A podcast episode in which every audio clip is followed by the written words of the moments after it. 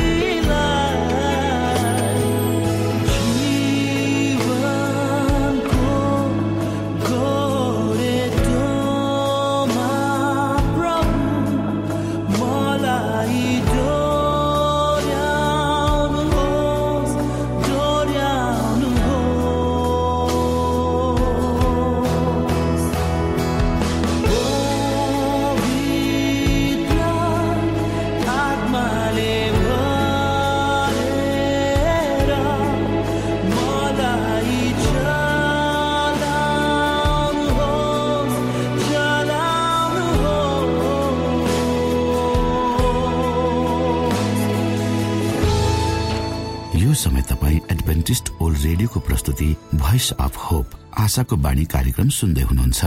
श्रोता मित्र यो समय हामी पास्टर उमेश पोखरेलबाट आजको बाइबल सन्देश सुन्नेछौ।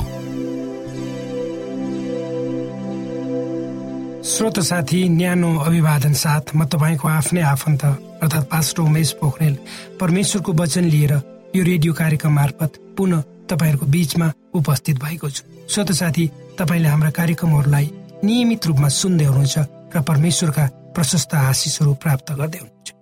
श्रोत साथी आउनुहोस् तपाईँ हामी केही समय परमेश्वर सँगसँगै बिताउनेछौँ आजको प्रस्तुतिलाई पस गर्नुभन्दा पहिले आउनुहोस् म परमेश्वरमा अगुवाईको लागि बिन्ती राख्नेछु जीवित जिउँदो महान दयालु परमेश्वर प्रभु हामी धन्यवादी छौँ यो जीवन र जीवनमा दिनुभएका प्रशस्त आशिषहरूको प्रभु यो रेडियो कार्यक्रमलाई म तपाईँको हातमा राख्दछु। यसलाई र तपाईँको राज्य र महिमाको प्रचारको खातिर यो देश र सारा संसारमा ताकि धेरै मानिसहरू तपाईँको ज्योतिलाई देख्न सक्नु सबै बिन्ती प्रभु यी नाम।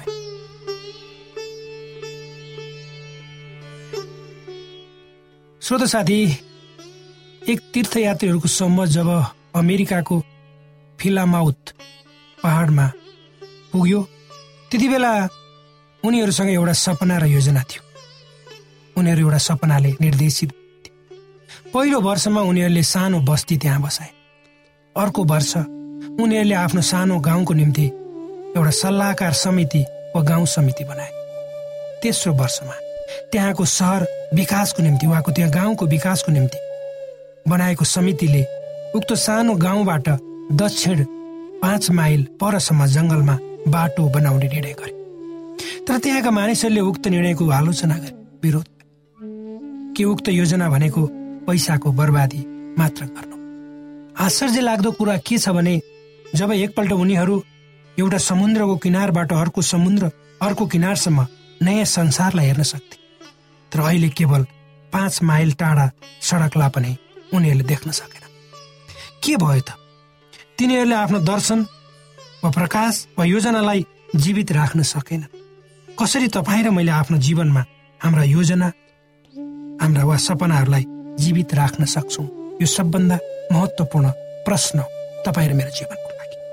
पहिलो कुरा तपाईँ र मेरो जीवनको उद्देश्य र योजना वा सपनालाई हामीले सदैव अगाडि राखेर अगाडि बढ्नुपर्छ। अर्थात् हाम्रो जीवनको लक्ष्य भनेको हाम्रो जीवनको प्रत्येक पाइला भनेको हामीले बनाएको लक्ष्यलाई हासिल गर्न तर्फ उन्मुख हुनुपर्छ। पवित्र धर्मशास्त्र बाइबलको हबकुक भन्ने पुस्तकको दुई अध्यायको दुई पदमा यसरी लेखिएको छ तैले यो प्रकाश वा योजना वा जे भन्नुहोस् प्रकाश पार्टीहरूमा प्रष्ट गरी लेख र समाचार वाहक त्यससित दौडिन सकोस्। अर्थात् तपाईँ हामीले आफ्नो प्रकाशलाई लेख्नु पर्यो। त्यसै अनुसार योजना बनाएर अगाडि बढ्नु पर्यो। तपाईँको प्रकाश वा दर्शन तपाईँको जीवनको बाटो हो त्यसकारण त्यो बाटोलाई लेख्नुहोस्। वा कोर्नुहोस् र दैनिकी पढ्नुहोस् र आफ्नो अगाडि सधैँ राख्नुहोस् सम्झिराख्नुहोस्। दोस्रो कुरा उक्त प्रकाश वा दर्शन वा योजना तपाईँको आफ्नै होस् वा तपाईँको आफ्नै हुनुपर्छ न कि अरूको योजना इच्छामा आफ्नो जीवनलाई सापटीको रूपमा नहिडाउनुहोस् उक्त योजना व्यावहारिक र हासिल गर्न सक्ने हुनुपर्छ। र त्यसमा परमेश्वरको इच्छा समावेश भएको यद्यपि हामी आफ्ना सन्तानहरू छोराछोरीहरू परिवार र अरू मानिसहरूको हेरचाह गर्छौँ त्यसले तपाईँ र मैले आफ्नो कर्तव्य निर्वाह गरेको ठहर्छ तर हामीलाई सफल भने त्यसले बनाउँदैन। अर्थात् तपाईँले आफ्नो दर्शन वा योजनालाई पुरा गर्न सक्नुहुन्न जुन परमेश्वरको होइन। कृपया गरी आफूलाई विश्वास गर्नुहोस्। यद्यपि अरूले तपाईँलाई अविश्वास किन नगरून्? भनिन्छ यदि तपाईँलाई कसैले विश्वास नगरे पनि तपाईँ आफूले आफूलाई विश्वास गर्नुहुन्छ भने तपाईँ अवश्य सफल हुनुहुन्छ। त्यसरी नै। सबैले तपाईँलाई विश्वास गर्छन् तर तपाईँ स्वयं आफूमाथि विश्वास गर्नुहुन्न भने पनि तपाईँ कहिले पनि सफल हुनुहुन्न। स्वत साथी तपाईँको उमेर जति नै वृद्ध किन नहोस्। तर जहिले पनि आफू जवान छु भने सोचका साथ अगाडि बढ्नुहोस्। अर्थात् तपाईँको शरीर वृद्ध भएको छ भने हृदय जवान हुनुपर्छ। भने चाहिँ एक जवान आफ्नो भविष्यको बारेमा पूर्ण रूपले सचेत हुन्छ। त्यसै कारण उसले असम्भव कुराहरूको प्रयत्न पनि गर्दछ। एक पुस्तादेखि अर्को पुस्तामा भिन्न भिन्न कुराहरूमा ऊ सफल हुन्छ। त्यसैले त संसारमा एकपछि अर्का आविष्कारहरू थपिँदै गएका छन्। श्रोता साथी तपाईँ हामीले आफ्नो योजनालाई जीवित राख्न सक्नुपर्छ। तब मात्र हामी आफ्नो लक्ष्यमा पुग्न सक्छौँ। आज संसारमा धेरै यस्ता मानिसहरू छन् जसलाई तपाईँ हामी चिन्न पनि सक्छौँ। उनीहरू आफ्नो विचार र दर्शनद्वारा अगाडि बढ्दैनन् तर उनीहरू त अर्काको विचार र योजनालाई आफ्नो जीवनमा लागू गर्ने कोसिस गर्छ। र आफ्ना ती योजनाहरूलाई बारम्बार थप घट र परिवर्तन पनि गरिरहन्छन्। त्यस्ता मानिसहरू कुनै पनि क्षेत्रमा सफल हुँदैन यो संसार पापै पापले भरिएको छ। हाम्रा विचार गराई र तौर तरिकाहरू पनि पापले निर्देशित भएको अवस्थामा हामी आफूले आफूलाई चिन्न सक्दैनौँ। आफ्नो जीवनको महत्वलाई बुझ्न सक्दैनौँ। अर्थात् आफू को भन्ने वास्तविकतालाई नबुझेर हामी व्यर्थमा आफूलाई खोज्न र बुझ्न अरूको सहारा लिन्छौँ र अनाहकमा आफ्नो जीवनका महत्वपूर्ण समयहरूलाई बिताइरहेका हुन्छौँ। जब मानिसले म को हुँ र मैले के गर्न सक्छु भन्ने वास्तविकतालाई उसको भित्रबाट बुझ्दैन तबसम्म निश्चय नै उसले चाल्ने जीवनका प्रत्येक पाइलामा ऊ अगाडि खडा हुन सक्दैन भनिन्छ तपाईँको जीवनको सफलता वा असफलता तपाईँमा नै निर्भर हुन्छ। हाम्रो जीवन चुनौतीले भरिएको छ र ती चुनौतीहरूलाई तपाईँ हामीले परमेश्वरको शक्तिद्वारा सामना गर्नुपर्छ। त्यसैले त परमेश्वरले यो संसारलाई पहाडहरू उपत्यकाहरू भित्री मधेसहरू हिमालसम्म भूमिहरू गरेर बनाउनु भएको छ। त्यसै गरी हाम्रो जीवनमा पनि खुसी आनन्द दुःख कष्ट असल सबै क्षणहरू सँगसँगै अगाडि बढ्छन्। स्वत साथी एउटा मान्छेको म जीवनी तपाईँको अगाडि राख्दछु। पी. जर्ज सेप्टेम्बर तेह्र तारिक अठार सय अडचालिसमा जब उनी पच्चिस वर्षका जवान केटा हुन्छन् त्यति बेला आफ्ना परिवारका सदस्य गुड बाई भनेर आफ्नो काम गर्ने ठाउँमा सदाको चाहिँ निस्कन्छ। उनी पहाडलाई विस्फोट गर्ने कामको मुख्य व्यक्ति थिए जहाँ रेलको बाटो बनाइँदै थियो।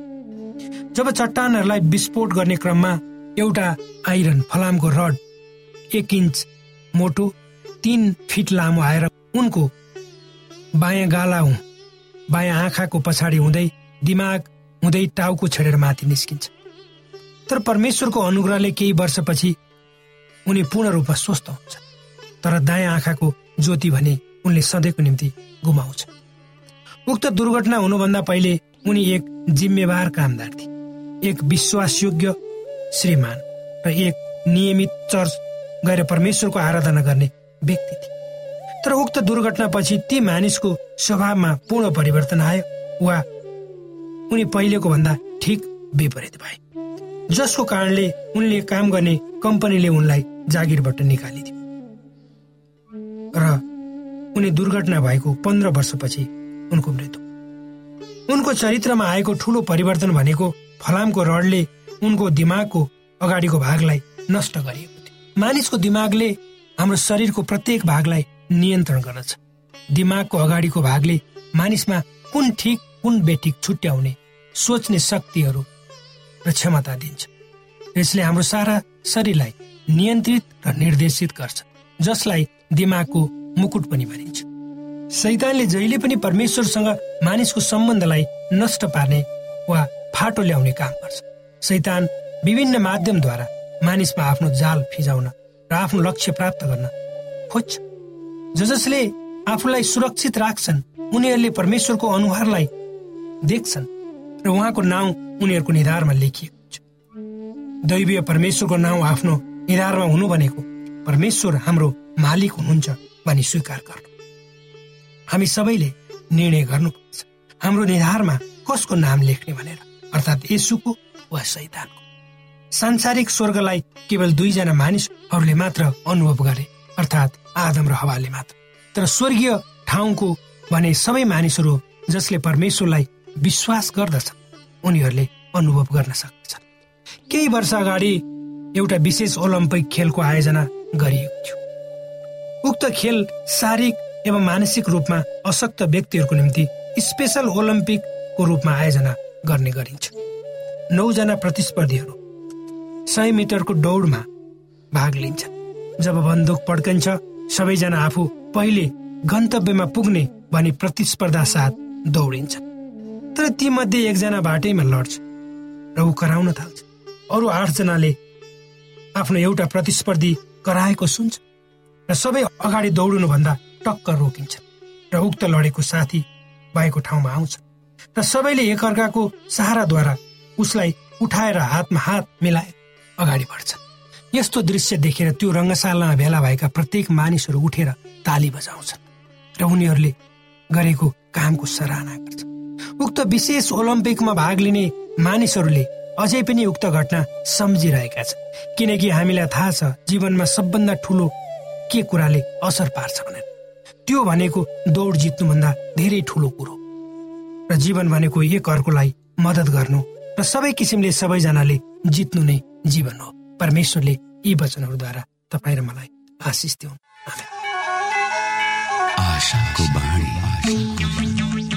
श्रोता भर्खरै यहाँले पास्टर उमेश पोखरेलबाट बाइबल वचन सुन्नुभयो। यो समय तपाईँ एडभेन्टिस्ट ओल्ड रेडियोको प्रस्तुति भोइस अफ होप आशाको बाणी कार्यक्रम सुन्दै हुनुहुन्छ। कार्यक्रम सुनेर बस्नुहुने सबै श्रोतालाई हामी हाम्रो कार्यक्रममा स्वागत गर्न चाहन्छौ।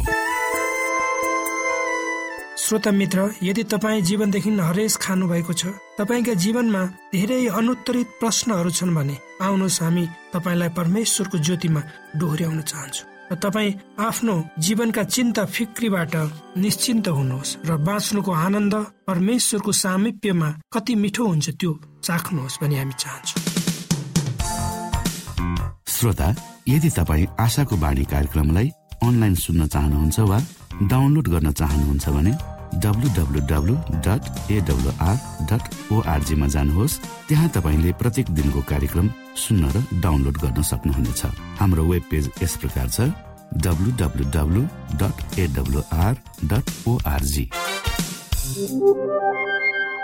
श्रोता यदि तपाईँ हामीसित सिधै फोनमा सम्पर्क गर्न चाहनुहुन्छ भने हाम्रा नम्बरहरू यस प्रकार छन्।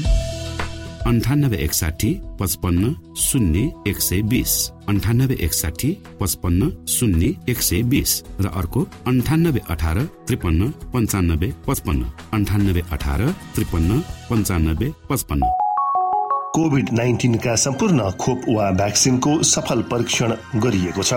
यी भ्याक्सिन लिनाले हामी गम्भीर बिरामी हुनबाट जोगिन सक्छौ। त्यसैले तपाईँ पनि यो खोप लिनुहोस्।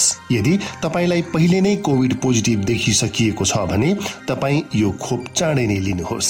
यसो गर्नाले हामी र हाम्रो समुदायमा रोग प्रतिरोधक शक्ति चाँडै नै आउनेछ र हामी सबैजना पहिले जस्तै सामान्य जीवनमा फर्कन सक्दछौ। युनेस्को डब्लुएचओ र रेडियो कार्यक्रम आशाको बाणीबाट जनहितमा जारी सन्देश।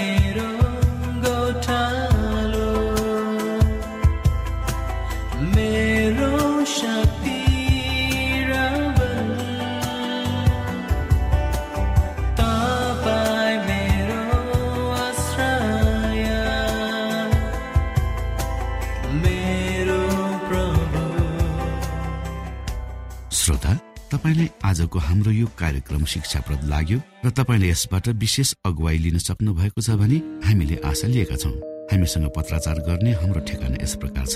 आशाको बाणी पोस्ट बक्स नम्बर दुई शून्य शून्य शून्य दुई काठमाडौँ नेपाल। श्रोता यदि तपाईँ हाम्रो स्टुडियोको नम्बरमा सम्पर्क गर्न चाहनुहुन्छ भने हाम्रा नम्बरहरू यस प्रकार छन्। अन्ठानब्बे एकसाठी पचपन्न शून्य एक सय बिस। अन्ठानब्बे एकसाठी पचपन्न शून्य एक सय बिस र अर्को अन्ठानब्बे अठार त्रिपन्न पन्चानब्बे पचपन्न। अन्ठानब्बे अठार त्रिपन्न पन्चानब्बे पचपन्न। हवस् श्रोता भोलि फेरि यही स्टेशन र यही समयमा यहाँसँग भेट्ने आशा राख्दै प्राविधिक साथी राजेश आडा पास्टर उमेश पोखरेल र कार्यक्रम प्रस्तुता म रवि। यहाँसँग विदा माग्दछौ। नमस्कार।